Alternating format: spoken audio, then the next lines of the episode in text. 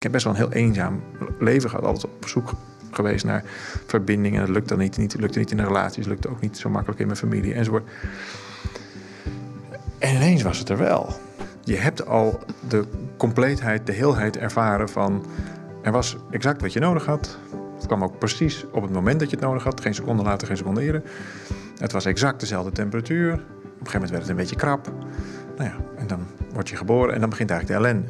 Verbonden voelen. Verbonden met elkaar, verbonden met de natuur, verbonden met spirit. Ja, en ik hoef daar alleen maar te zitten en wat water te gieten. Wat een cadeau is dat. En ik krijg die lepel in mijn hand, die deur die gaat dicht. Ik giet die eerste lepel water en ik heb weer precies diezelfde ervaring. Oh, oké, dus het is niet alleen maar ergens thuis zijn, maar ook nog eens op je plek ergens thuis zijn. Eigenlijk zijn er op een podium twee realiteiten. Namelijk degene die op het podium staat. En dat waren bij ons echt hele grote podia toen het allemaal nog uh, mocht. En de zaal. Nou, als je het dan over verbinding hebt, dat, dat zijn twee totaal verschillende werelden. We kijken letterlijk ook nog eens een andere kant op. Politieke structuren, de aanzienstructuren, de, de, de manier hoe wij onszelf organiseren. Uh, in, in deze tijd, en het is eigenlijk van alle tijden, dan zie je dat op het moment dat, dat, dat mensen meer aanzien krijgen, lees meer macht krijgen, ehm, dat dat ook corrompeert. Als wij er niet zouden kijken, zou het niet bestaan. Als wij allemaal ineens niet meer luisteren, dan zou het niet bestaan. Dus wij, snap je, we zijn onderdeel van het systeem wat het mogelijk maakt. En toen dacht ik, ja, jeetje joh, als we dit met elkaar hebben weten uh, te veroorzaken, dan zouden we dit met elkaar toch ook kunnen oplossen.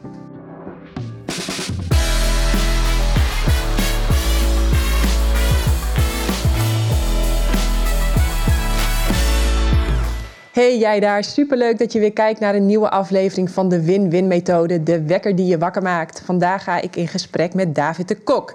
Maar voordat we dat doen, eerst het volgende. Vind je het werk wat ik maak gaaf, bijvoorbeeld de blogs die ik schrijf of deze shows?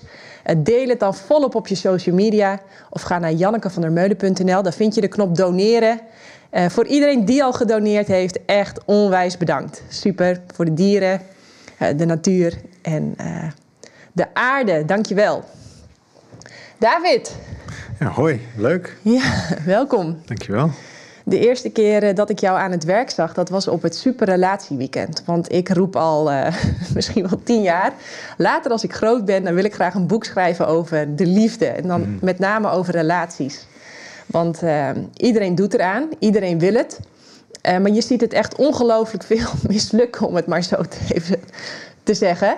En ja, toen dacht ik van, um, als ik daar nou een soort van de code voor weet te kraken, ja, volgens mij heb ik dan een heel, heel, heel nuttig boek. En sowieso lijkt het me heel leuk uh, ja, om de hele dag met de liefde bezig te zijn. Dus uh, toen wilde ik graag, uh, toen zag ik dat daar dus weekends in werden verzorgd. En ehm, nou, daar wilde ik heel graag naartoe. Nou, mijn eigen vriend wilde absoluut niet mee.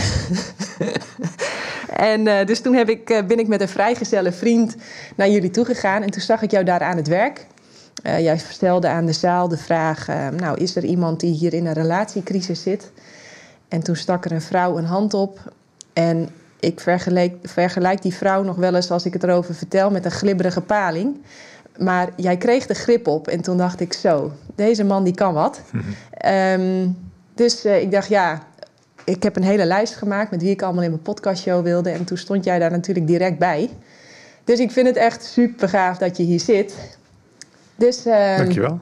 Later als ik groot ben, dan uh, ga ik dat boek schrijven. Wat moet er volgens jou uh, in, in dat boek over de liefde en relaties? Nou, wat in ieder geval helpt is het... Um, wat, je, wat je zegt klopt, we doen er allemaal aan. maar ik denk dat het enorm helpt dat dat een relatie niet zozeer kan mislukken, behalve als je, daar, als je daarbij laat. Dus het lijkt alsof het mislukt, maar dat komt omdat mensen hun lessen niet oogsten. Dus het doel van een relatie, daar zit een enorme uh, misconceptie omheen, misvatting omheen. En dus het, het hele idee dat een relatie bijvoorbeeld leuk moet zijn, ja, dat moet je dan gewoon heel vaak wisselen. En dan, ja, dan zou je in die wisseling of in dat tijdelijke moment best een leuke relatie kunnen hebben. En dan moet je weer wisselen, want op een gegeven moment is het niet meer leuk.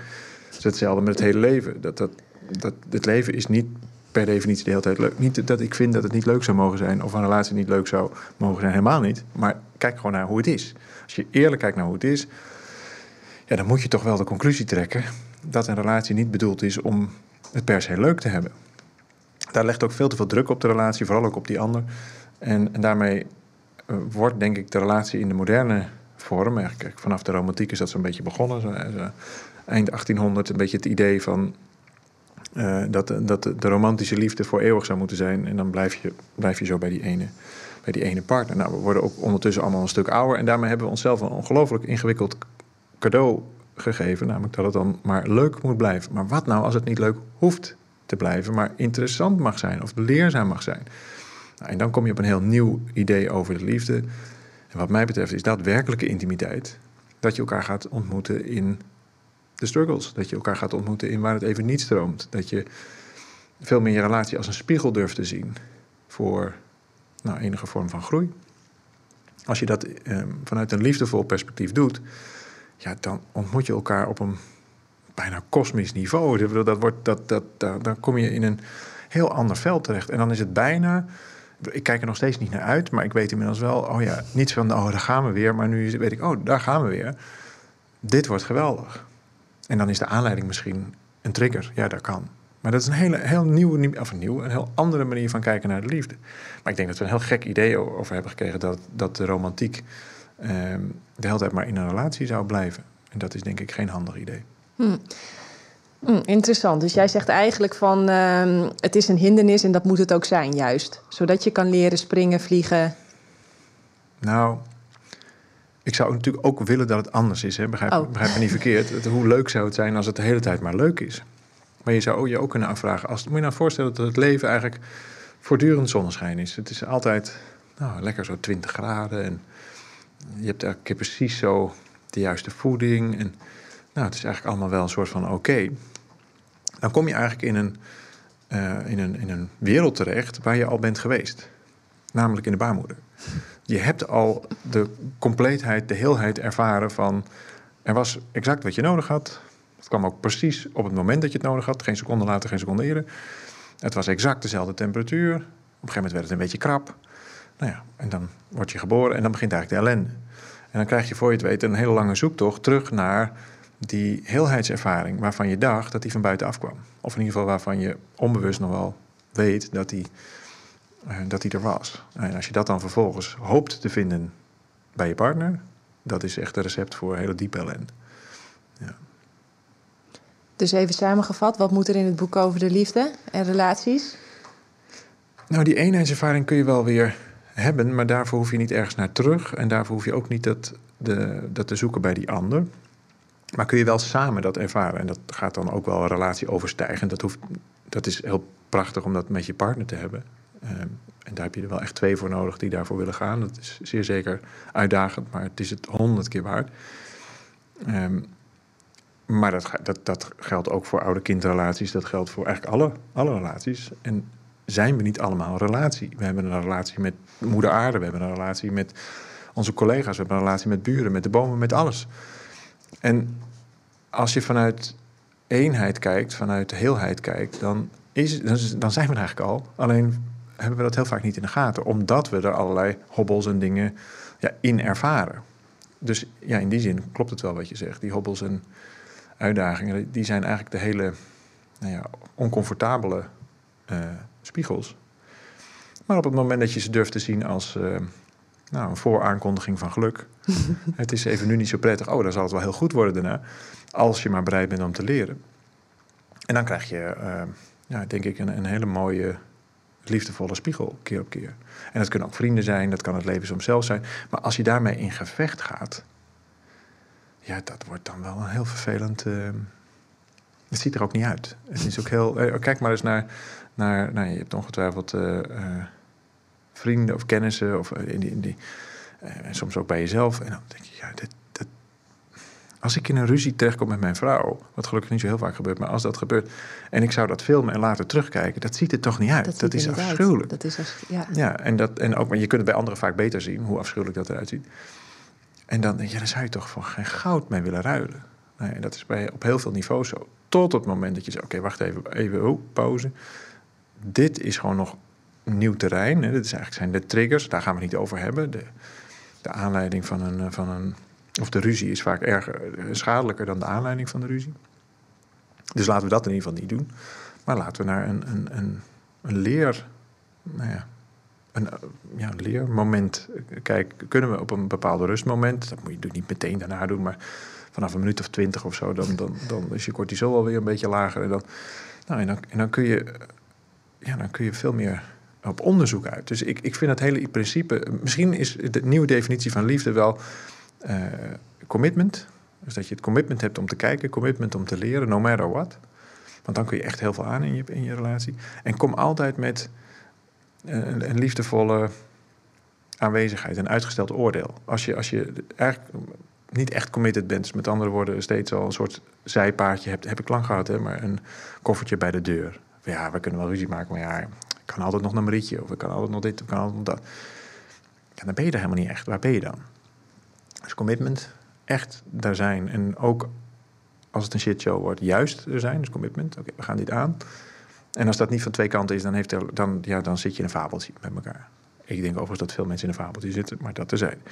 En dan uh, tweede is dat je echt over de brug komt. Met andere woorden, met een, je verlaat jouw wereld. Je gaat op bezoek bij de wereld van de ander. En hoe zit dat dan bij jou? En hoe werkt je? Ik heb je blijkbaar heel erg getriggerd op iets. Nou, ik ben heel nieuwsgierig. Hoe werkt dat dan weer? Echt vanuit, niet een acteerspelletje, maar oprecht geïnteresseerd. En dan kom je achter een veel diepere waarheid. En by the way, de persoon in kwestie ook. En dan is het mooi om dat ook nog andersom te doen. Van hé, hey, wat, wat maakt er dan dat het jou triggert? Oh, nou kom je even op bezoek bij mij. En dan krijg je dus twee hele nieuwe waarheden. Wat ongelooflijk intiem is. Hier is wel wat techniek voor nodig, maar uiteindelijk is, ja, is dat echt een waanzinnige ontmoeting. En dan, ja, dan is het meer verbonden dan daarvoor. Dus ik zou zeggen, uh, ja, commitment, een liefdevolle ontmoeting is een uitgesteld oordeel, wat ongelooflijk moeilijk is. Omdat je, je was toch getriggerd en je ego vindt er van alles van. En, allerlei angstpatronen worden, worden, worden, ja zeker, tuurlijk, allemaal waar. En dat gaan we nu allemaal even niet doen. We gaan eerst even nou, bij de andere bezoek. Of je laat jezelf even bezoeken en de ander is bij jou op bezoek, terwijl jij helemaal zo in je triggertoestand zit. Nou, daar leer je vooral zelf heel veel van. En die ander is daarbij aanwezig. En meestal is dat zo. Bij ons in ieder geval is dat echt uh, tot nu toe altijd zo geweest. Jeetje, nu ik dit van je weet, ja, dan snap ik je zoveel beter. Goh, eigenlijk sorry. Sorry dat ik daar zo heftig op reageerde. Of sorry dat ik daar zo onhandig mee omging. Of als ik dit van je had geweten, dan had ik al veel eerder dit... Nou, enzovoort. In plaats van, je zou toch moeten weten dat. Ja, mooi. Het doet mij direct denken aan de knikkerpot-theorie. Mm En um, dat we denken heel vaak, hè, relatie is het opbouwen van allemaal knikkers. Ja. Hè, dus we hebben een grote pot en iedere keer als jij een afspraak nakomt of uh, jij doet iets wat uh, in mijn liefdestaal past, je geeft me een cadeautje of een complimentje ja, of een lief woordje, of, hè, dan gaan er allemaal knikkers in die pot. Um, en wij denken heel vaak dat die pot wam leeg gaat als iemand bijvoorbeeld liegt, bedriegt of mm -hmm. in die trant. Maar jij zei het net al, um, het tegenovergestelde. Maar uh, gebrek aan betrokkenheid, dus in een gesprek even je telefoon pakken of uh, even uh, als iemand binnenkomt, even je zin afmaken op je laptop, mm -hmm. dat dat echt ongelooflijk veel knikkers de hele tijd uit die pot haalt. ja. Dus jij zei echt oprecht, hè, kom over de brug en heb oprechte interesse. Mm -hmm. Ja, geen wonder dat dat knikkers in de pot doet.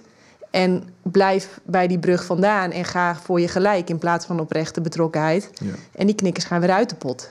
We hebben daar een, een term voor. Uh, en, en, dat checken we ook vaak bij elkaar. Dus Emanuele, mijn vrouw, uh, die overigens relatietherapeut is, dus dat oh. is ook wel meteen ook wel weer ingewikkeld.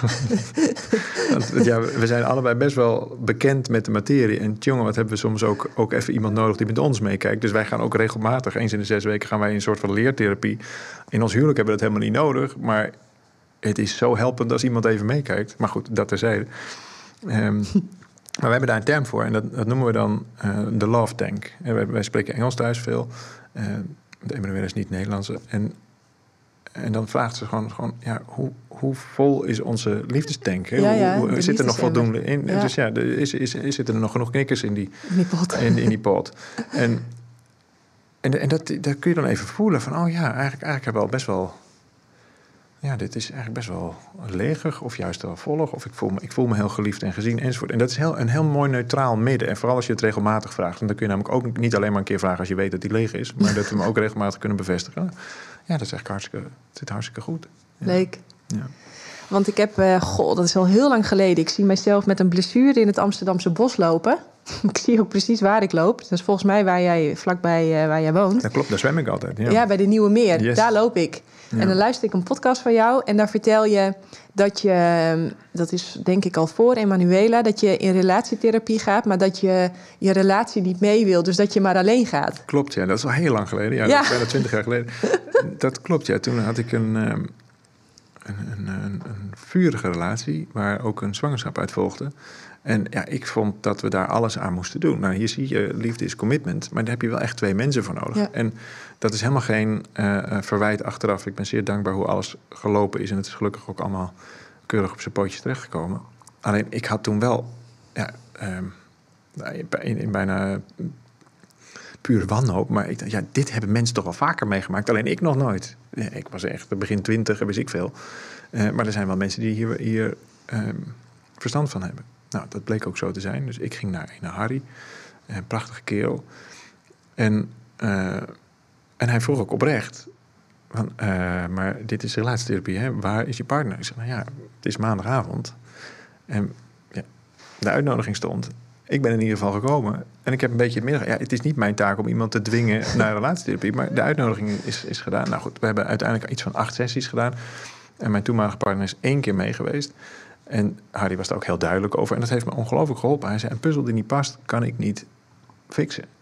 Dus wees ook gewoon eerlijk. Het hoeft niet te lukken. En dat heeft me ontzettend bevrijd. En ik denk haar ook. En ons, ons eigenlijk eh, allebei ook weer laten zien: van ja, dan is er wel veel werk nodig. Ik heb overigens later aan een van de beste relatietherapeuten ter wereld, Heidi Slijver, heb ik gevraagd: kun je elke relatie fixen? Bestaat zoiets als een puzzel die niet past? En zei: wat een onzin. Ik kan elke, elke puzzel kan ik, kan ik fixen. Als er maar bereid, bereidheid is om te kijken. Omdat zij zegt, elk verhaal is uniek. Maar de dynamiek is eigenlijk heel erg algemeen. Ja. En dat vond ik ook weer zo wijs. Toen was ik ook achteraf, dat was wel bijna twintig jaar later... maar dat ze dat toen zei. En toen dacht ik helemaal achteraf nog... Oh, misschien had ik toch nog wel harder moeten bijten... of zo had ik daar meer van, van moeten leren. Maar het was wel wonderlijk, want hij, hij had in... die Harry had in... Nou, ik weet niet hoe lang die relatietherapeut was, maar heel lang... Hij was er bijna met pensioen. Hij had hij in zijn hele carrière nog nooit iemand gehad die besloot in zijn eentje in relatietherapie te gaan. Ik denk, ja, ja ik, ik kan dit allemaal wel zelf gaan uitzoeken, maar dan weet ik zeker dat ik echt alle beginnersfouten maak. Help mij even op stoom. Is Ja. dit normaal? Ja. Uh, ik voel me nu zo en zo. En, nou, en ja, ik heb daar superveel van geleerd. Ja. Leuk. Leuk. Nou, ik, uh, ik, heb het, ik heb dingen opgeschreven, dus dat komt in het, uh, in het boek. En heb ik je laatst ook ontmoet, want je hebt een heel nieuw concept. Ja, voor mij was het even nieuw. Ja, Vertel voor mij eens. is niet zo, niet zo heel nieuw. Nee, ik wou net zeggen, maar voor jou niet, maar het was wel zien, mijn eerste kennismaking. Ja, nou, ik ben heel, ehm, nou, bij toeval eigenlijk, eh, bijna tien jaar geleden, door een vriend, een hele dierbare vriend, eh, uitgenodigd om een, eh, een nieuwjaarsritueel te doen. Ik, ik heb eigenlijk altijd heel weinig gehad met ehm, de, de, nou, de, rituelen rondom verjaardagen bijvoorbeeld. En rituelen rondom oud en nieuw. Ik vond het eigenlijk altijd een beetje stom. Omdat het een soort van opgelegd leuk moet zijn. Dus ook met oud en nieuw, dat, daar ligt dan zo'n hoge verwachting op. En dat, dat wordt het gewoon heel vaak niet. Heel af en toe een keer wel, maar heel vaak wordt het het niet. En toen zei hij, nou, dat vind ik eigenlijk ook. Maar ik ga een, een, eh, gewoon de dag na oud en nieuw, dus 1 januari, organiseer ik een, een, eh, een nieuwjaarsritueel. En dan had hij ergens opgeduikeld en wist ik veel. Maar is een toffe vent, dus eh, ik denk, nou, ik ga gewoon met hem mee. En, en we zien wel. Nou, dat was ergens in Drenthe. En, en toen kwamen we in een zweethut terecht. En wist ik veel wat dat was. Maar ja, ik denk, we gaan maar direct. Dus daarbuiten brandde daar dat vuur. Er lagen er wat stenen op. Er is dan zo'n soort wilgetenen hutje met wat dekens eroverheen. Nou, het zag er allemaal heel spectaculair uit. En ik, ik denk, nou, dan gaan we dan wel in. Nou, dat klopte dus ook. En we gaan daar zo in een cirkeltje zitten. En die hete stenen worden binnengebracht. Dan gaat er zo'n doek voor die ingang. Het is dan pikken donker. En Michael, zo heet die kerel, die fantastische vent, die begint daar wat water te gieten over die, over die stenen. En ik denk, oké, dit kan wel eens pittig worden. Dit, dit wordt warm. Dit wordt, dit wordt wel nice. en op dat moment komt er een soort...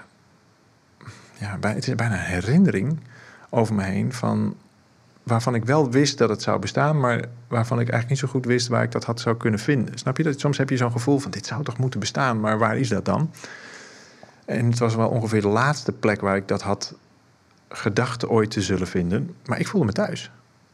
En hij noemde mij broeder. Hij kende mijn naam niet eens. En hij noemde, mij broeder. En ik voelde me ook broeder. En nou, er waren nog anderen in die hut. Ik geloof dat, ik weet niet meer precies, maar we waren met een man of tien of zo.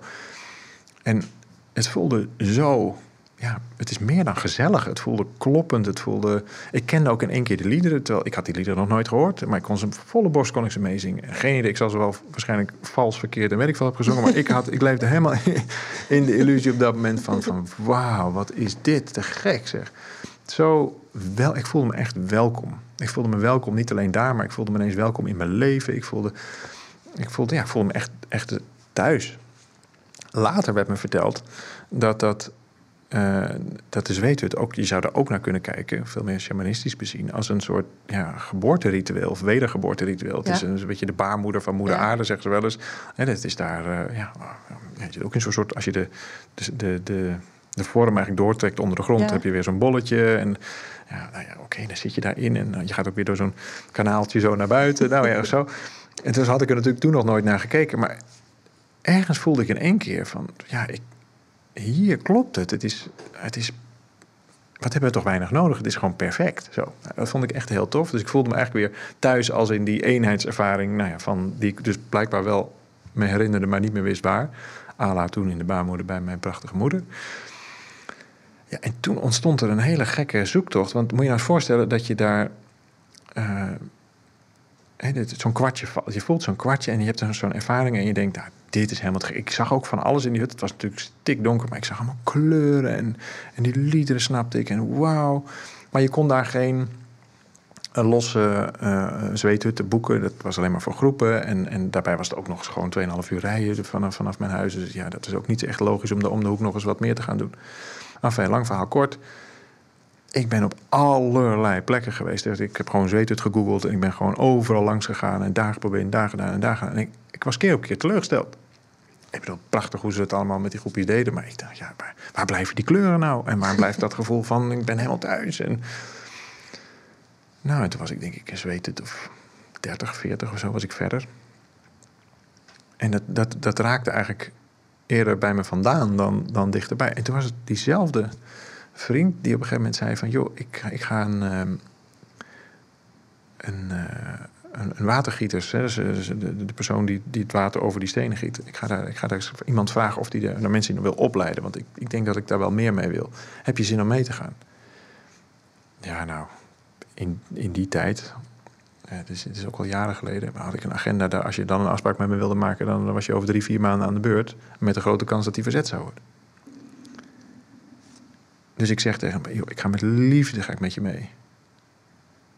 Maar alleen als ik gaatje in mijn agenda heb. Ik doe mijn agenda open en ik zie precies op die vier dagen dat die training zou zijn, dat er helemaal niks staat. Nou, dat, dat, dat is bizar. Oké, nou ja, dan is het antwoord ja. Dus ik heb mijn agenda geblokt, ben daar meegegaan. Nooit met het doel om zelf water te gieten. Maar ik vind het gewoon heel fijn om in de zweet te zijn. Het was onderdeel van mijn zoektocht. Ik was inmiddels bij een tribe aangesloten waar ik het wel heel fijn vond. Dus ik had ook wel mijn plekje gevonden. Nou, helemaal goed. Dus ik zei ook tegen die, tegen die opleider van... Nou, zet mij maar gewoon in de hut. Ik vind het gewoon fijn om erbij te zijn, maar ik hoef niet per se water te gieten. Nou, en het toeval wilde dat er aan het eind toch nog een gaatje was om wel water te gieten. En toen zei hij, David, zou je tot slot ook nog even een lepel water willen gieten? En ik ga op die plek zitten, ik krijg die emmer, die komt binnen. Ik ga er zitten en ik vond ook van alles van die ja, mensen in opleiding niet per se slecht. Maar het was, het was ook zo'n zoektocht en ja, het was prachtig om erbij te zijn, maar ik voelde me nog steeds niet thuis. En ik krijg die lepel in mijn hand die deur die gaat dicht. Ik giet die eerste lepel water. En ik heb weer precies diezelfde ervaring. Oh, oké. dus het is niet alleen maar ergens thuis zijn, maar ook nog eens op je plek ergens thuis zijn. Nou, toen begon er eigenlijk weer een heel nieuw, nieuw traject met het vinden van een eigen plek, het bouwen van een eerste hut. Nou ja, van het een kwam het ander. En zo is Eagle ontstaan. Waar jij ook was, wat heel bijzonder was. En ja, daar, daar daar ontmoet ik elke keer weer een soort. Ja, voor mij is dat echt thuiskomen. Dus een, ontmoet ik een gevoel van. Ja, het klopt. Ja, dat. Ja, ja ik, uh, wat mij opviel is dat je um, tijdens de ceremonie heel veel de cursus in wonderen aanhaalde. Ik hoorde je zeggen, alles is liefde of een roep om liefde. Ehm, ja, alles is neutraal en vooral, ehm, nou ja, er werd veel over de, over de liefde gesproken. dat vond ik natuurlijk al super fijn. Het had iets met de aanwezigen te maken, denk ik. Ja, ja, ja. Hey, wat, wat, wat, vertel eens, want over die cursus in wonderen, wat, waarom heeft dat boek jou zo gegrepen? Ehm, nou, daar staat eigenlijk uitgelegd wat ik. Ze hebben het daar ook letterlijk over de weg naar huis. Eigenlijk ben je al thuis, alleen je was even vergeten dat je thuis was. Nou, dat is exact wat ik in zoveel woorden had ervaren in de hut. Ik had alleen de woorden er niet bij. Ja. Dus dat was ook wel bijzonder. En daarom had ik ook Patrick Kikker uitgenodigd om, om uh, via hem ben ik met de cursus in aanraking gekomen. Ze is een waanzinnige serie gemaakt over allerlei leraren rond, rond, de, rond de cursus. En elke keer als ik daar weer zo mee bezig was, dacht ik, ja, maar dit ken ik. Alleen nu heb ik er woorden bij, dus super, ja. dankjewel. Maar ik, ik snap dit als ervaring helemaal. En, nou ja, goed, dat... dat um, dus ja, sinds ik daar wat meer woorden bij heb, kan ik ook wat meer daarover zeggen. En dat doe ik dan ook in. Dus ik breng eigenlijk, ja, voor mij in ieder geval die twee werelden bij elkaar. Dat is natuurlijk al één wereld. Alleen voor mij zijn dat nu ja, twee. Uh, of zijn woorden bij een ervaring. Ik vind dat ongelooflijk bevrijdend. En wat ik zo mooi vond. Ja, dit is toch wel echt voor mij het boek der boeken in, inmiddels. Uh, niet makkelijk overigens. Maar door uh, woorden te hebben voor iets wat je wel al hebt ervaren. Hoef je het zelf niet meer op te schrijven. Dus ik heb nu gewoon een, een boek waar het gewoon beter uitgelegd staat dan ik het had kunnen opschrijven. Nou, dan is het alleen maar een cadeau natuurlijk. En als het dan ook nog gaat over, ja, je ego zit eigenlijk alleen maar in de weg. Nou, dan is het extra, ben ik extra blij dat ik er niet hoef op te schrijven. Dus ja, ik ben, ik, dat is de reden waarschijnlijk waarom je dat zo herkent. Ik benoem dat in de hut niet per se zo uh, vanuit de cursus. Maar ja, dat zit wel inmiddels behoorlijk in mijn taal en uh, in de antwoorden op vragen die ik krijg. Ja, ja mooi. Heel jij, mooi, ja. Jij noemde net het woord ego. Wat betekent dat dan voor jou?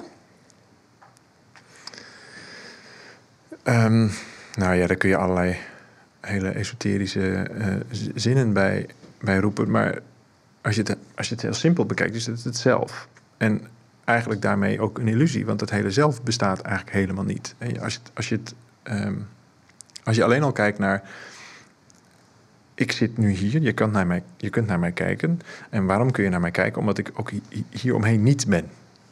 Dus ik ben hier wel en daar niet. Maar dat betekent dus, omdat ik hier niet ben, ben ik hier wel. Dus door het niet ben ik wel.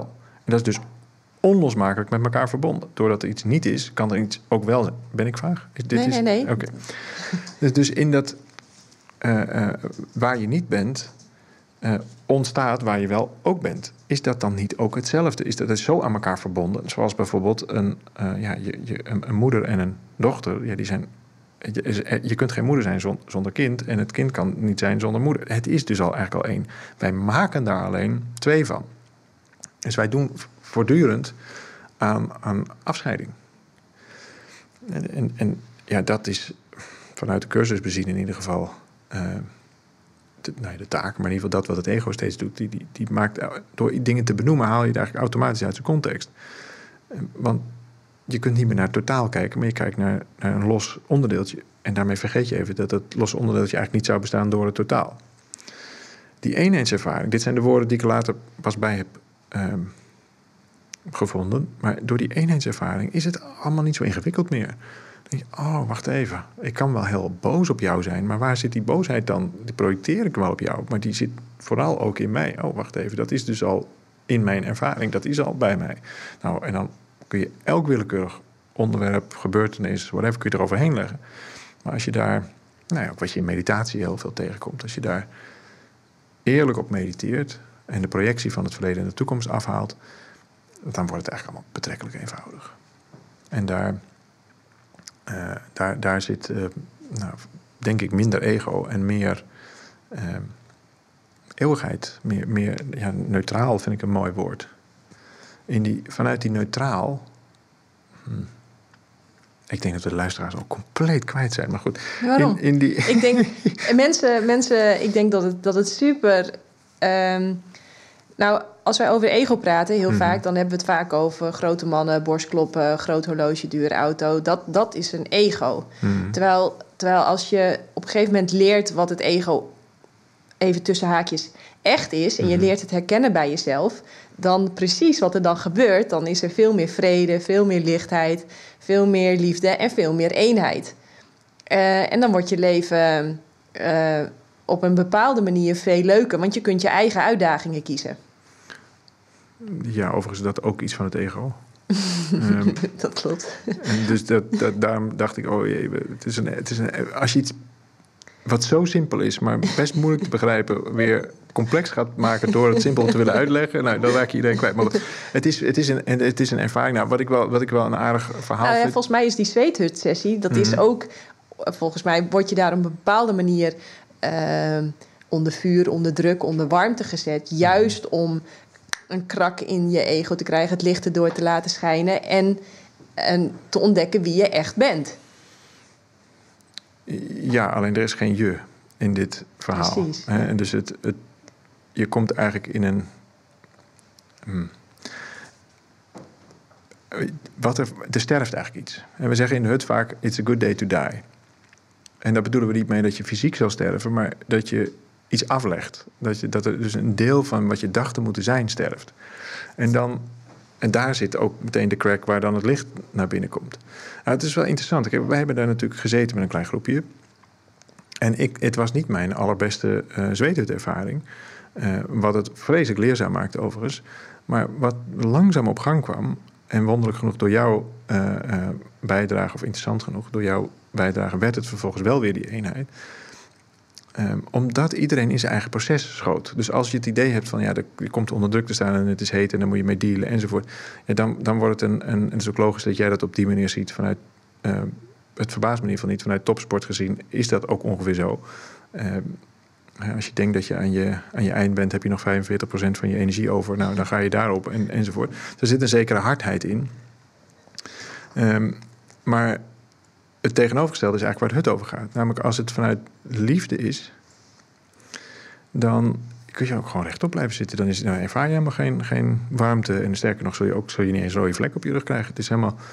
Um, en, en, en anders, ja, dan heb je daarmee te dienen. Dat is ook meteen het interessante stuk natuurlijk. Um, maar door in die. Je, je kunt een eenheidservaring niet acteren. Je kunt niet uh, uh, doen alsof je dan dat voelt alsof we dat samen doen, terwijl je dat helemaal niet voelt. En dan ben je dus juist heel erg vanuit het zelf dat aan het doen. Nou, je zou kunnen zeggen, als je het echt over het zelf wil hebben, dat er twee zelven bestaan. Je hebt een zelf die ouder wordt, eh, doelen, dromen enzovoort heeft. En er is nog een ander stuk in jezelf, en ik denk dat je dat zal herkennen. Ik denk ook dat veel luisteraars dat zullen herkennen. Is dat dat toen ik 18 was, of nu ben ik dan 44, dat die, die David in mij is eigenlijk best wel hetzelfde gebleven. Die is, die, die, is veel meer de observator van wat er allemaal gebeurt. En ik zie aan mijn kinderen dat ik ouder word. En ik zie soms, uh, als ik bij de tandarts ben geweest, dat ik denk: oh jeetje, dit komt nooit meer goed. Dat, uh, dat je ouder wordt. En uh, nou, zo zijn er een, paar van dat soort confrontaties met het leven, dat, dat je fysiek wel echt ouder wordt. Maar dat, dat stuk van het zelf is eigenlijk ongeveer hetzelfde. Nou, als ik mijn opa, en toen hij nog leefde, moet geloven op zijn, wat was die, 94 of iets. Dat hij zei, ik voel me eigenlijk gewoon, ja, ik zie wel dat ik oud ben. En ik, ik zie dat aan mijn kinderen en ik zie dat aan het soort leven wat ik nu heb. Maar ik voel me helemaal niet heel anders dan begin 20. Dus iets om je heen wordt wel ouder. En dus daar kun je de tijd wel ervaren. Maar er is ook iets tijdloos. Dat is eigenlijk het punt wat ik probeer te maken. En in dat stuk ontmoet ik je graag. Op het moment dat je vanuit die meer observatorkant uh, aanwezig kunt zijn, dan zul je ook merken, hey, dat, dat daar zit veel meer. Um, daar zit eigenlijk dat broeder- en zusterschap in. We zijn al verbonden. Nou, als je die kunt vinden, en in de hut was dat voor mij in ieder geval een waanzinnige ervaring, dat ik daar in één keer, echt alsof ik ergens weer inklikt. Ik heb best wel een heel eenzaam leven gehad, altijd op zoek geweest naar verbinding. En dat lukt dan niet, niet lukte niet in de relaties, lukte ook niet zo makkelijk in mijn familie enzovoort. En ineens was het er wel. Nou, dat was natuurlijk heel overweldigend. En ik denk dat, dat ik daar. Uh, maar nou, ik zal. Ik, ja, dat kwartje valt nu eigenlijk pas. Ik denk dat die Michael mij aansprak. Of een beroep deed. Of ik kon het horen vanuit dat nieuwe zelf. En dat, het een noem ik jezelf.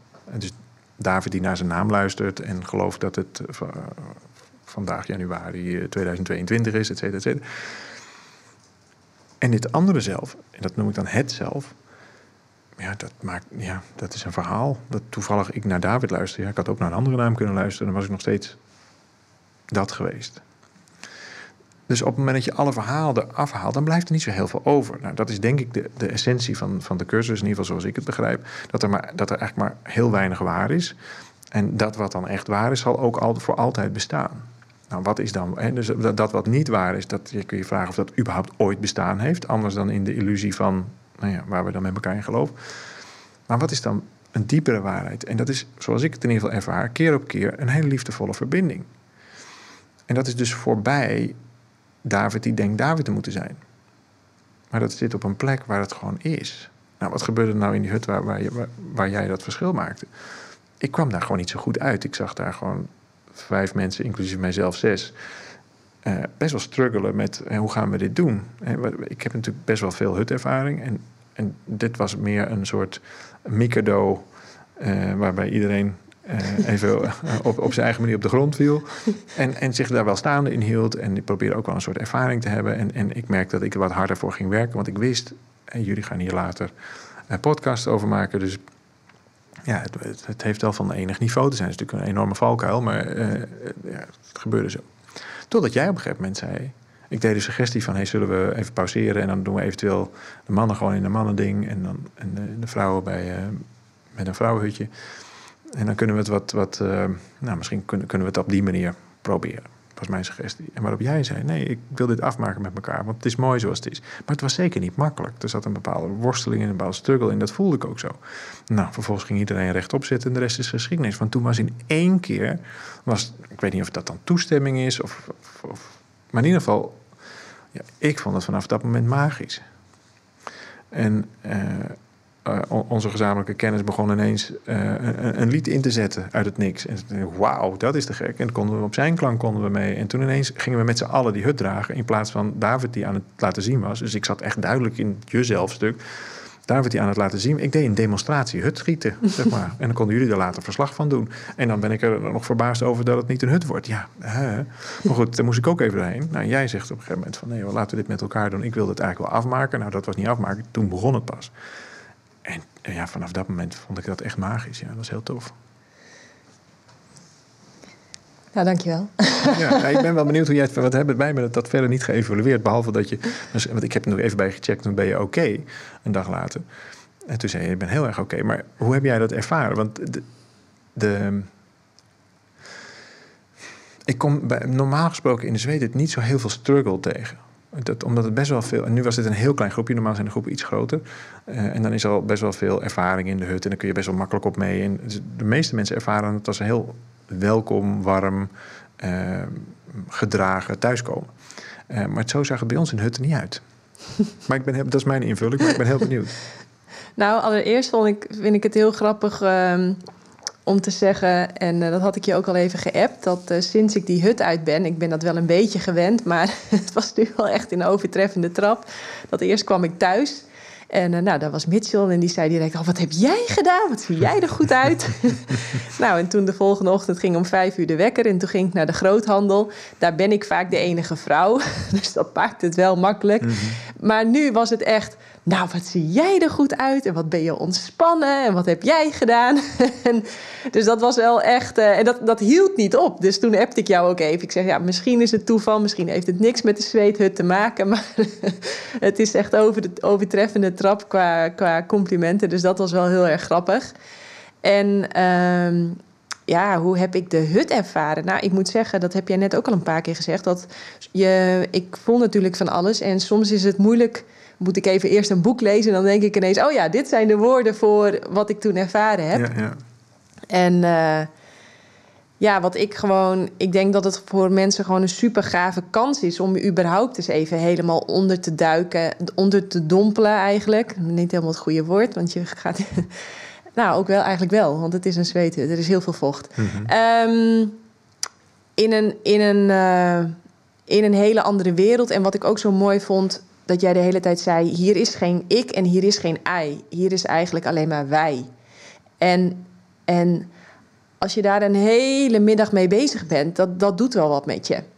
En dat vond ik ook zo leuk dat we toen even, hè, als je illness, als je dan de, de, de I vervangt door we, dan krijg je, maakt illness, wordt ineens wellness. Wellness, ja. En het weet het is een wellness voor de soul. Ja, wellness voor de soul. En ehm, dus ik hoopte eigenlijk dat je daar nog iets meer over wilde vertellen. Want, want dat, dat komt bij de Indianen vandaan, toch? Die, die zeggen, die hebben ook geen woord voor ik. Ja, ik heb in mijn leven nog nooit een uh, Native American ontmoet. Dus dat vind ik wel, uh, daar ben ik voorzichtig mee om ja, daar uh, mee te strooien. Want anders wordt het, voor je het weet, wordt het Indiaantje spelen. Maar ook, ook wij hebben verschillende tippies staan. En ja, het is een veel gebezigd ritueel. en daar, en daar kunnen we alleen maar heel veel diepe buigingen voor maken. Um, maar ik heb horen zeggen dat er in natuur, bij een aantal natuurvolkeren ze geen woord hebben voor ik. En dat is een heel, vind ik een heel bijzonder fenomeen. Moet je je voorstellen dat het klopt, al is het maar als gedachte-experiment. Dan is het dus niet ik heb dorst, maar dan wordt het automatisch wij hebben dorst. Of er is dorst. En dan, dat, dan verhoud je automatisch heel anders. En dat, nou, in de, in, in de is het dan zo, als er al gedronken wordt, dan drinken we met z'n allen. In ieder geval krijgt iedereen het aangeboden. Je hoeft niet te drinken, maar je krijgt het allemaal aangeboden. Dus je zorgt automatisch altijd voor het collectief. Maar trek dat maar eens door naar... Uh, ik voel me verdrietig. Nou, dan, dan is het ineens... Hey, we voelen verdriet. Of er is verdriet. Oké, nou interessant, er is verdriet. Nou, laten we aanwezig zijn bij verdriet. Welkom verdriet, want blijkbaar is dat er. Nou, en laten we, laten we op die manier ja, ja, ons verhouden tot dat verdriet wat er dan op dat moment is. En dat haalt meteen dat ja, er is eigenlijk geen plek voor het ego. Omdat jij niet met jezelf bezig bent, maar met dat wat je ervaart in algemene, of in ieder geval in publieke zin. En dat vind ik heel tof. Dus wij zeggen inderdaad vaak: no you, no I, only us. No you, no I, only us. Um, en in die, ja, in die ervaring, ik denk dat we dat heel erg missen. Ik denk dat het een bijproduct is van, van onze neoliberale uh, cultuur, die zich steeds verder ontwikkelt en wat mij betreft een kant op gaat met een, een hele hoge prijs, namelijk vereenzaming. En wat ik steeds weer zie gebeuren in de Zweden, is dat mensen, ook, ook net als wat er bij mij gebeurde, ja, dat, dat ze zich ineens weer verbonden voelen. Verbonden met elkaar, verbonden met de natuur, verbonden met spirit. Ja, en ik hoef daar alleen maar te zitten en wat water te gieten. Wat een cadeau is dat. Daar hoef ik helemaal niet meer hard voor. Je, haalde iets aan dat je bij zo'n superlaatste weekend was geweest en dan zag je me dan een, een uh, nou, interventie van coaching dingetje doen bij, bij, bij iemand. En, en dat is natuurlijk prachtig en dat is ook mooi om daarnaar te kijken. En het is ook, ook heel dankbaar werk om te kunnen doen. En het is ook echt werk. In de zweethut aanwezig zijn en, en het mogen laten ontstaan. En nou ja, bij jullie was het nog in het begin even hard werk, maar dan weer even herinneren aan, oh ja, wacht even, nou, nou zit ik zelf gewoon in de weg. Laat het maar, dit is dan wat het is. En daar dan bij aanwezig zijn.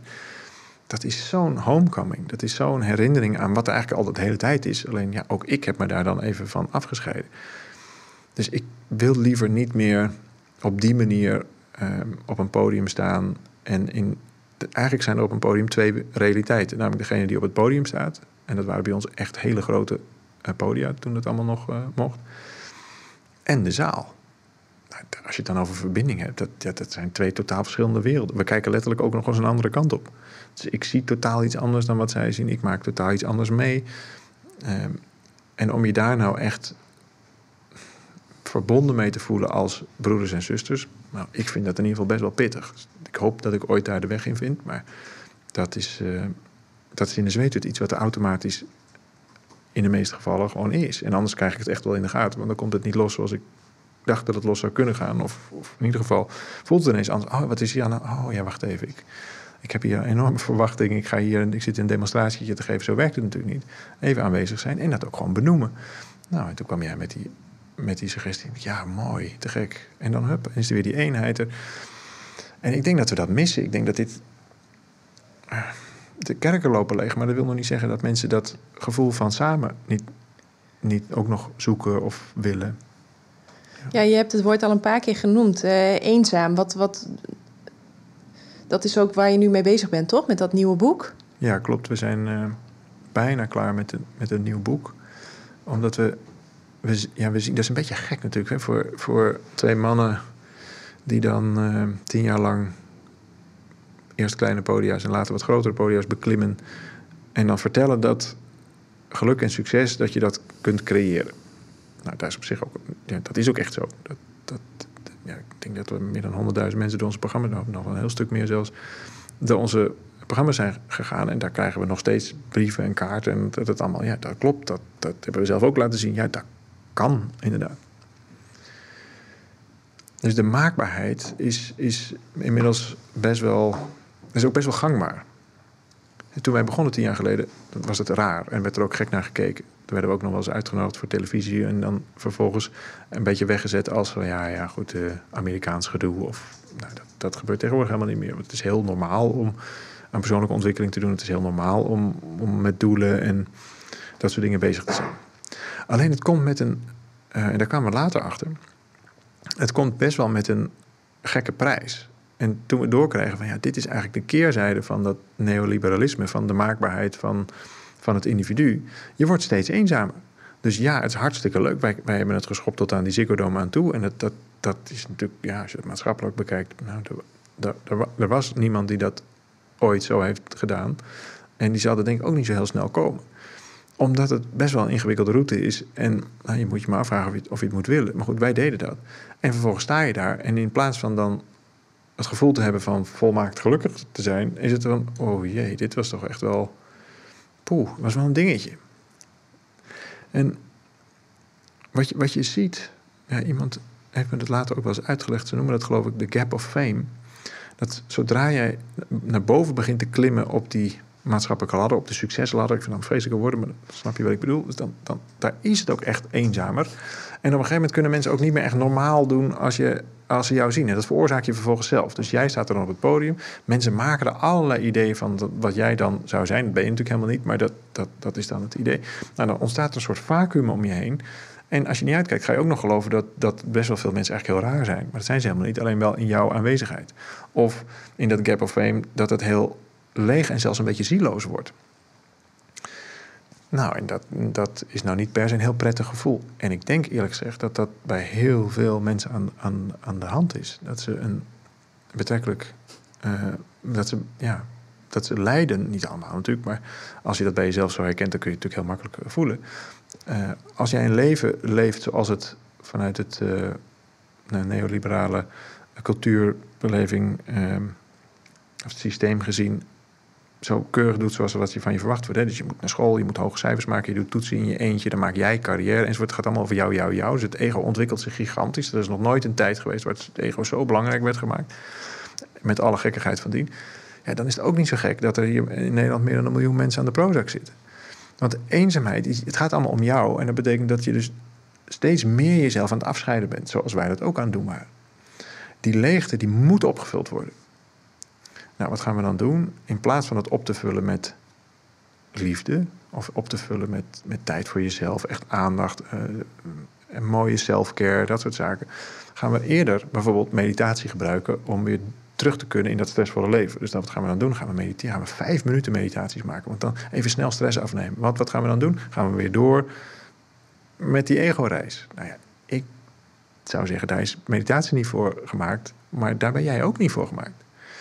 Dus in die ego-reis uh, zitten we in een, in een interessante tijd. En ik zou zeggen, uh, of ja, de, de uitnodiging is om eens bij jezelf te voelen hoeveel ziel, of hoeveel bezieling, zit ook het woord ziel in, is er eigenlijk in mijn leven? Of ben ik gewoon mezelf staande aan het houden in een soort van bedacht systeem waar het elke keer maar gaat over carrière maken, meer geld verdienen, aanzien enzovoort, met alle leegte van dien en dat dan ook nog eens opgevuld moet worden. Nou, hoe wordt het dan opgevuld? Meestal met allerlei ja, vervelende uh, macht, machtsdingen, bijvoorbeeld. Um, vervelende machtdingen? Nou ja, ja, goed, het is natuurlijk een beetje. Uh, wat je ziet in. in um, in, in de, de, de, de, de politieke structuren, de aanzienstructuren, de, de, de manier hoe wij onszelf organiseren. Um, in, in deze tijd, en het is eigenlijk van alle tijden, dan zie je dat op het moment dat, dat, dat mensen meer aanzien krijgen, lees meer macht krijgen, eh, dat dat ook corrumpeert. Dus je wordt daar ook een ander mens van. En dit is een van de belangrijkste redenen waarom ik een, een politieke carrière heb afgezworen. Ik dacht nog een tijdje, tien jaar geleden of zo, nou, misschien is het wel een goed idee om dat ooit eens te gaan doen. Ik hou namelijk niet van aan de zijlijn staan roepen dat het beter moet. Kunt dan maar beter gaan doen. En dan ontdek je wel hoe ongelooflijk ingewikkeld het is. En dan probeer je met je best te kunnen er wat van te maken. Alleen als het zo is dat macht corrumpeert, ja, dan zou dat mij natuurlijk ook overkomen. Dan denk je, ja, en een beetje ego is mij eigenlijk ook niet vreemd. Nou, dan, dan, dan moet je nog uitkijken ook. En wat je ziet dat mensen doen als ze op eenzame posities terechtkomen. En, en by the way, uh, want je had het net over ego als in carrière maken en borstkloppen. En, en dan stel je dan mannen met dure auto's voor. Maar ego is ook slachtoffer.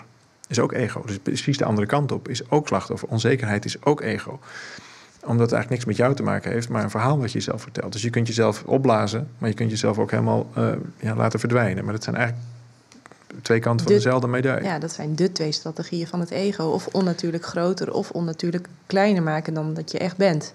Ja, en de, en de werkelijkheid is volgens mij, is, ben je al onmetelijk groot. Alleen dat is niet wat jou definieert, maar wat het al definieert. En dat maakt het zo ingewikkeld. Daarom zijn we er ook zo bang voor, omdat er iets in jou dan, ja, dat moet je gaan, gaan ervaren of toegeven, dat dat dan niet meer bestaat. Enfin, in dat uh, idee van ik zal hier dan wel laten zien hoe dat moet. Elke uh, politieke structuur zit zo. Maar bijvoorbeeld ook in liedjeswedstrijden gebeurt het ook. En dan is er een uh, nou, groepje coaches die jou mag beoordelen. En dan moet jij daar vervolgens uh, je best aan doen. Nou, we weten ook allemaal hoe, hoe, hoe, dat, en, dat, en dat, snap je, daar zit iets in wat heel tragisch is. En de, de, het, het, meest gekke daarin is eigenlijk dat de kijker zichzelf losziet van de gebeurtenis. Net als dat we ook onszelf loszien van bijvoorbeeld uh, de politieke gekkigheid. Terwijl wij doen dat. Als wij er niet zouden kijken, zou het niet bestaan.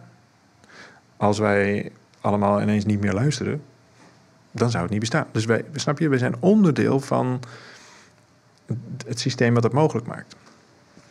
En, en, als je dat begint te zien, dan denk ik dat, in ieder geval voor mij werkt dat veel beter, uh, dat we veel beter af zijn door ons te herinneren dat we eigenlijk al liefde, licht en vergeving zijn.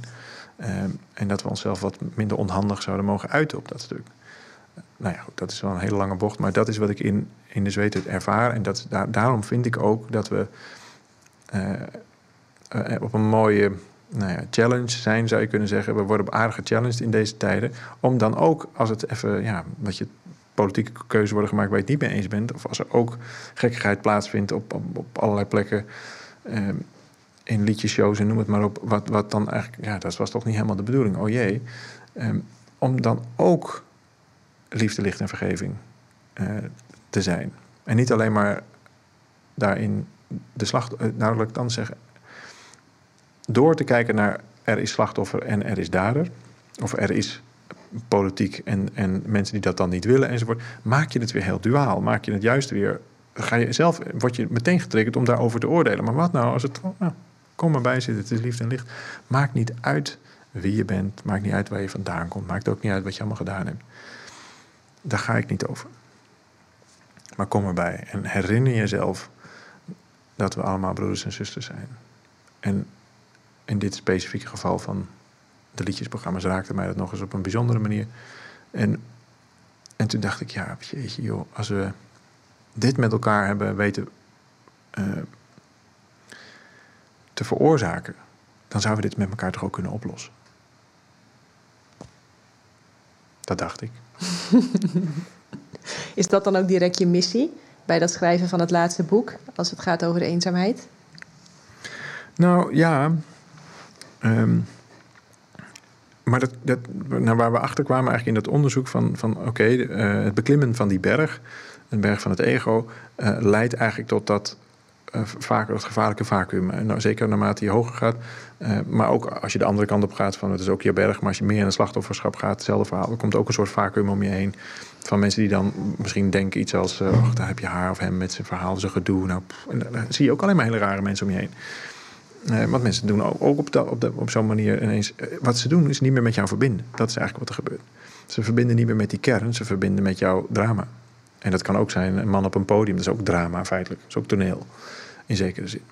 En dan gaan ze verbinden met mij. Nou, jij zag mij aan het werk en daar heb je een idee over. Ja, man zou misschien wel wat kunnen of whatever. Maar dan heb jij je verbonden met een deel van mij waar ik 99% van mijn tijd helemaal niet ben. En dus ook een beeld van mij wat ik helemaal niet ben. Terwijl op het moment dat we gewoon samen zitten, zoals we nu bijvoorbeeld zitten, of zoals we in de zweethut zitten, dan, dan, is er, ja, dan is er geen jij of ik. Dan is er gewoon iets wat ontstaat. Dus wij creëren vanuit een intentie en we zien wel wat er gebeurt. En je bent altijd onderdeel van dat creatieproces. Zoals ook de kijkers van het liedjesprogramma onderdeel zijn van dat creatieproces. En dat beseffen mensen zich niet. Tenminste, dat denk ik. En ik besefte me dat toen wel. En ik was ook een van die kijkers. Dat was ongeveer het enige programma wat ik keek. Af en toe, omdat mijn dochters dat zo geweldig vonden.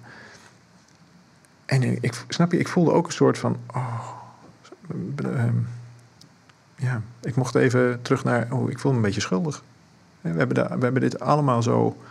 De, wij hebben dat vacuüm gecreëerd. Als wij dat niet zouden doen, zou het vacuüm ook niet bestaan. En dat vond ik wel een, eh, een bijzondere ervaring. In mm -hmm. zin, ja. Jij, je, je hebt er nu een paar keer het woord ook creator gebruikt. Um, eventjes, het is even van de hak op de tak, maar ik ben mhm. wel nieuwsgierig. Um, eet je dierlijke producten? Ehm, alleen als het, ehm, als, al, als het al dood is. ja. Je neemt niet zo een hap uit een koe. nee. Nee, ik, um, uh, ik, ik ben, uh, pak een beet, 14, 15 jaar uh, heel strikt vegan geweest. En wat ik zag gebeuren, is nou, het gebeurde bijvoorbeeld gisteren. Mijn zoontje, die heeft, uh, die, die, dat is een enorme carnivore. Die wil het liefst de hele tijd vlees eten. Nou, wij, wij waren allebei vegetariër en dat gebeurde bij ons thuis niet. En dan kwam hij met een excuus of een smoes of een ding, of dan had hij toch iets. En ja, eh, wat ga je doen? Ga je dat opleggen of ga je. Nou, mijn dochtertje is diehard vegan, dus de, die, die gaat letterlijk de eigen nou ja, sojaballetjes bakken als het. Uh, als, als, er iets, als het er niet bevalt, gaat ze gewoon zelf koken, wat ik overigens prachtig vind.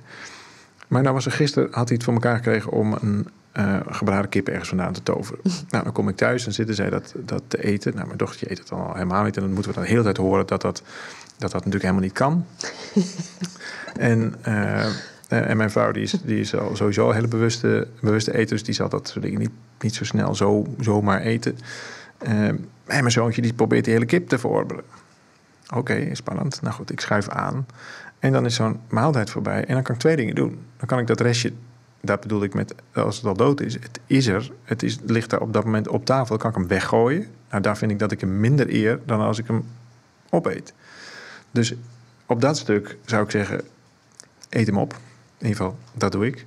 En dat is fantastisch, want zoveel vlees krijg ik niet. Wat gebeurt niet zo heel vaak. Dat ik zou het niet zelf kopen. Ik zou het niet bestellen in een restaurant. Ik zou het niet, zeker niet uit een, uh, uit een supermarkt ehm, halen. En ik zal je ook vertellen waarom. Ik denk namelijk dat als je uh, iets eet wat geleden heeft, dat jij dat lijden overneemt.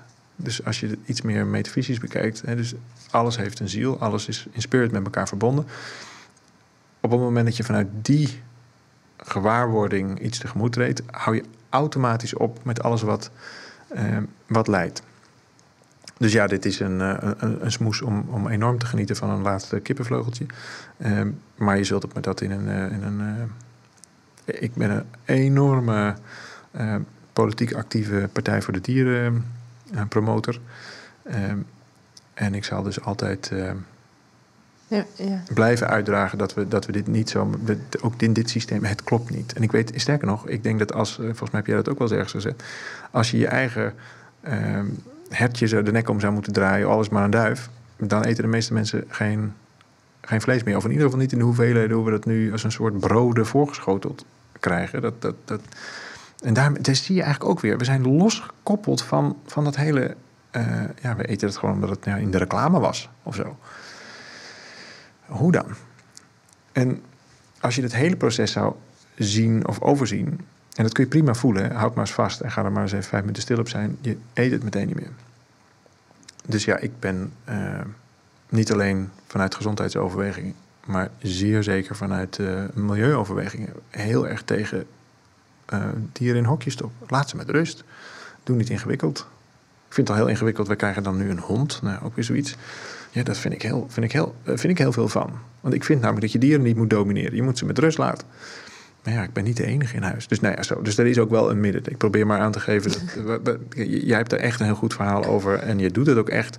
En ik heb daar een iets minder goed verhaal over. En dan ga ik hier ook niet heiliger doen dan, eh, dan ik eigenlijk zou willen zijn. Dus ja, toevallig gisteren nog uh, een kippenvleugeltje gegeten. En dat smaakte uitstekend. Uh, en ik worstel met dat, dat we een hond hebben straks. Tenminste, de dames in huis willen dat. Ja, wie ben ik om dan te zeggen, dat gaat niet gebeuren, toch? Het is, ja, dus dan hebben zij dat. En dan weet ik wel wie er om elf uur s'avonds de hond gaat uitlaten. En dan loopt David natuurlijk gewoon met zijn hondenriemen straks door het Amsterdamse bos. Ja, maar dat is echt zo. En ik ga er nog van houden ook, ik weet zeker. En ik vind, ik vind het ook verwerpelijk. Ja, ik heb precies hetzelfde. Ik pas heel vaak op de honden van mijn ouders. En ik vind het fantastisch en vreselijk tegelijk. Ja. En uh, ja, want ja, ze gaan naar het eiland als ik ze daar breng. Ze eten als ik de brokjes in de bakje doe. Precies. Ze moeten aan de lijn als ik denk... Maar ja, ja, dus ja, ik zit daar ook de hele tijd mee te struggelen. Maar ja, ze zijn er nu. Dus nu pomp ik alle liefde erin uh, die ik heb... en uh, probeer ik ze ja, dat we het leuk hebben met elkaar. Maar ik snap die strijd, die snap ik helemaal. Ja, wij nemen zelf dus dan ook geen, geen hond. Al, tegelijkertijd zou ik het fantastisch vinden.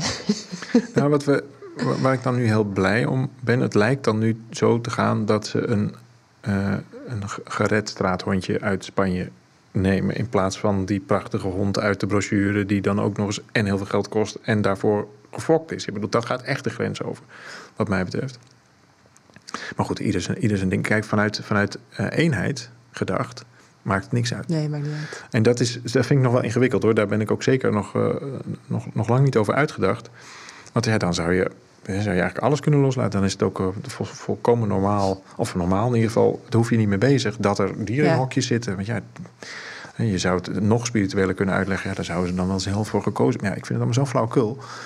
Dan denk je, ja, zelf voor gekozen. Ondertussen hebben wij dat wel veroorzaakt. En hoef, die hoef je geen, geen doorgeleerde wetenschapper te zijn om te snappen dat dit een doodlopende weg is. Ja, dus we hebben het zo ingericht dat dit. Um, Nee, maar, ja, maar wat we natuurlijk wel ervan kunnen leren is... Uh, donker wordt niet donker met nog meer... Uh, donker wordt niet licht met nog meer donker. Dus uh, inderdaad, ze zitten er in de hokjes. Daar hoeven we verder niet echt nou ja, voor te gaan strijden of weet ik veel wat. Maar we kunnen natuurlijk wel zelf um, ja, lekker veel fruit en planten eten. En um, zelf stralen van geluk en gezondheid. En laten zien dat dat gewoon ook makkelijk kan. Nou, dat is dat zeker. Dat is, een, dat is waanzinnig. Ik vind je daar ook een heel inspirerend voorbeeld in. Um, en, daar, en daarin heb je me ook echt wel weer opnieuw uh, wakker gemaakt om, om dat nou, met nadruk te gaan, gaan, gaan leven. Ik was dat gewoon wat, dat was wat meer op de retour geraakt. En dat komt eigenlijk vooral omdat ik ook gestopt ben om mijn eigen gezin te domineren.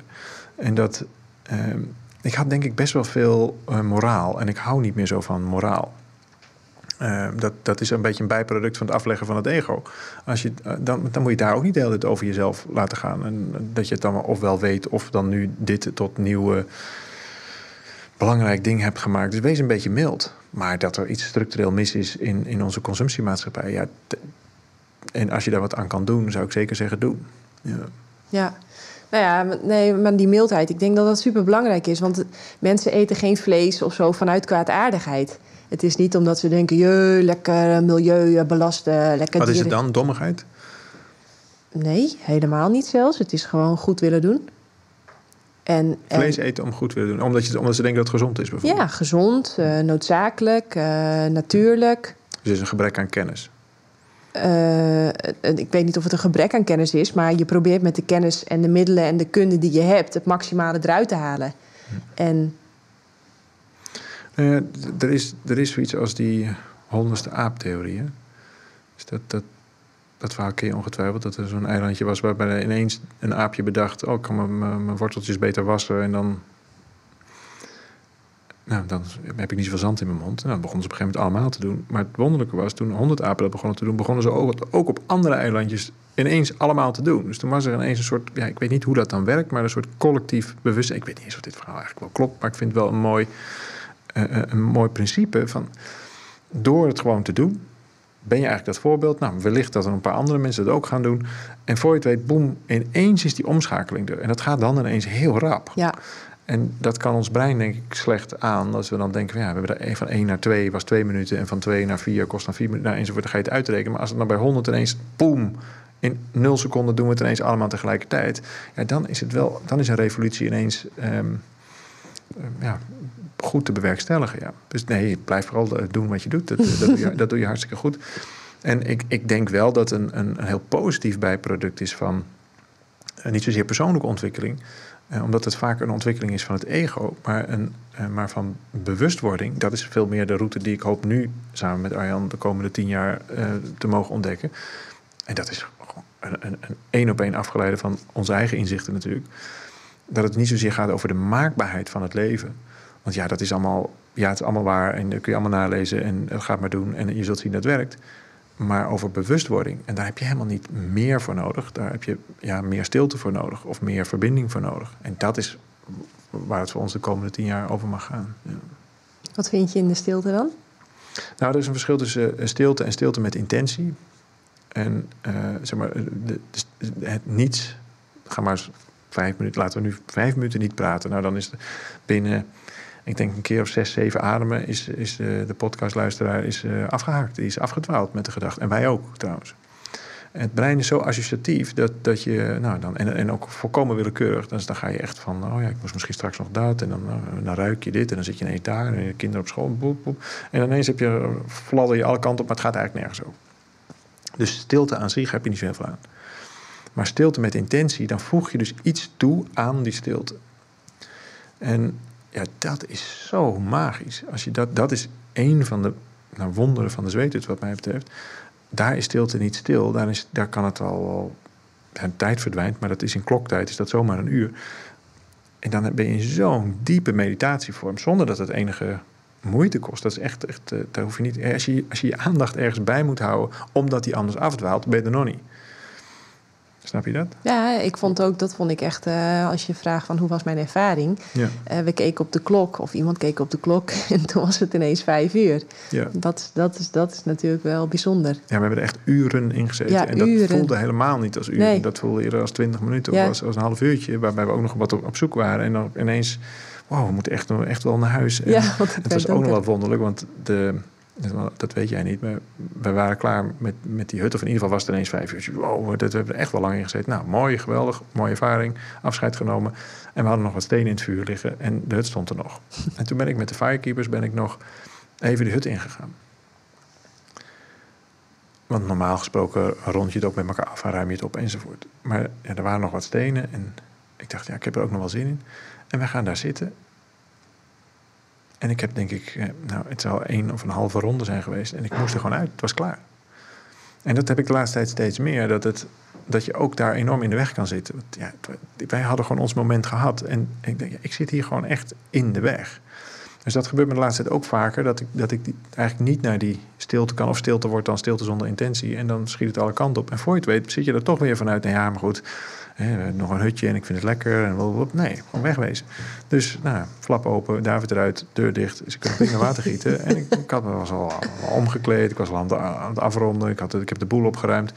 Nou, zij komen er nog eens uit en vouwen nog wat dekentjes. En zo is die, die... En dat was dus prachtig. Nou, vroeger moest en zou ik tot aan de laatste hut... net als vroeger toen ik nog lang geleden wel eens in de kroeg kwam... dan moest en, en ja toch, die fase hebben we ook allemaal gehad... dat je dan... Dat je, ik moest altijd degene zijn die het licht uitdeed. En dat is zo'n bevrijding dat dat dus niet meer hoeft. Maar goed, terug naar die stilte met, uh, met intentie. Eh, stilte zonder intentie, dat is en heel moeilijk en betrekkelijk zinloos. Um, maar stilte met intentie, dan, dan ineens krijg je, eigenlijk is het dan aandacht of aanwezigheid. Ja, en ja, dat, dat moet je maar gewoon eens gaan oefenen als je daarin geïnteresseerd bent. Maar dat is zoiets magisch dan, dan, ja, ik kom dan in, een, in dat tijdsloze. Als ik dat bereik, en dat, dat is zeker niet altijd uh, aanwezig, maar als ik, als ik daarvoor ga zitten en of daar, nou, mezelf toesta daar te zijn, dan. Ik heb zo'n speciale, of speciale een, een, eh, vast plekje in het Amsterdamse bos waar ik dan uh, even zit. En dan kijk ik weer op mijn horloge en denk: hè, dat is bizar. Dan heb ik er twintig minuten, half uur, soms een uur heb ik daar gezeten. Terwijl echt voor mijn gevoel zit ik er net. Ik doe mijn ogen dicht, doe mijn ogen open en boem, er is gewoon... Je zou kunnen zeggen zonde van je tijd. Maar als je in die stilte zit vanuit die aanwezigheid. Nou, wat is dan die intentie? Ik zou zeggen, intentie is liefde. Of de intentie is creatie. Dan krijg je, of oordeelloosheid. Maar als je dat doet, dan is er dus ruimte om iets naar boven te laten komen. Dat is eigenlijk de kracht van de stilte. Dus op het moment dat je aanwezig kunt zijn, niet oordeelt wat eigenlijk liefde is. Krijg je stilte met intentie. En dan komt er een gedachte voorbij. Nou, die gaat ook weer weg. Of dan komt er ineens een idee naar boven en dan, voel je iets bij. Maar ondertussen blijf je in die aanwezigheid. En uiteindelijk kom je in een, in een stuk, maar dat vraagt enige oefening. En dan gebeurt er gewoon helemaal niks. Nou, dat is zoiets te geks. En het interessante is, dat, dat hebben ze ook wetenschappelijk aangetoond, als je dat een beetje oefent, dan heb je veel minder stress. Waarom? Omdat je niet meer op de toekomst projecteert.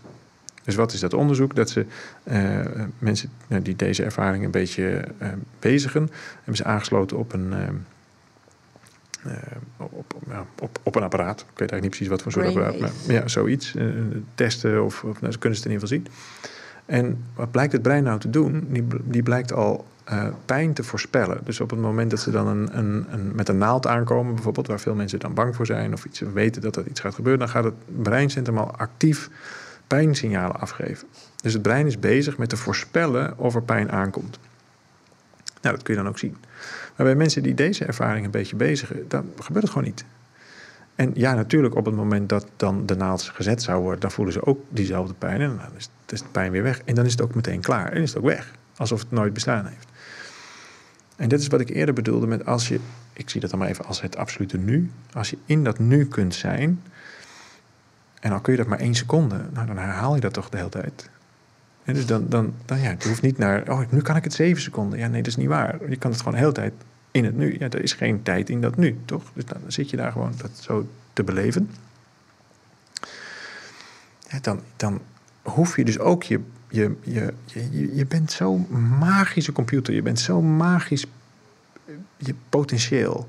Nou, de meeste mensen en ik voorop hoor, heb dat vooral aangewend om bezig te zijn met de toekomst te voorspellen. Of daarmee bezig zijn. Dus, oh, er komt pijn aan. Of oh, het eten raakt op. Of het geld kan op. Of, of ik moet carrière maken. Of me aanzien. Of, eeuwig zonde. Terwijl als je je, je, je full potential kunt gebruiken voor nou, dat wat er nu is.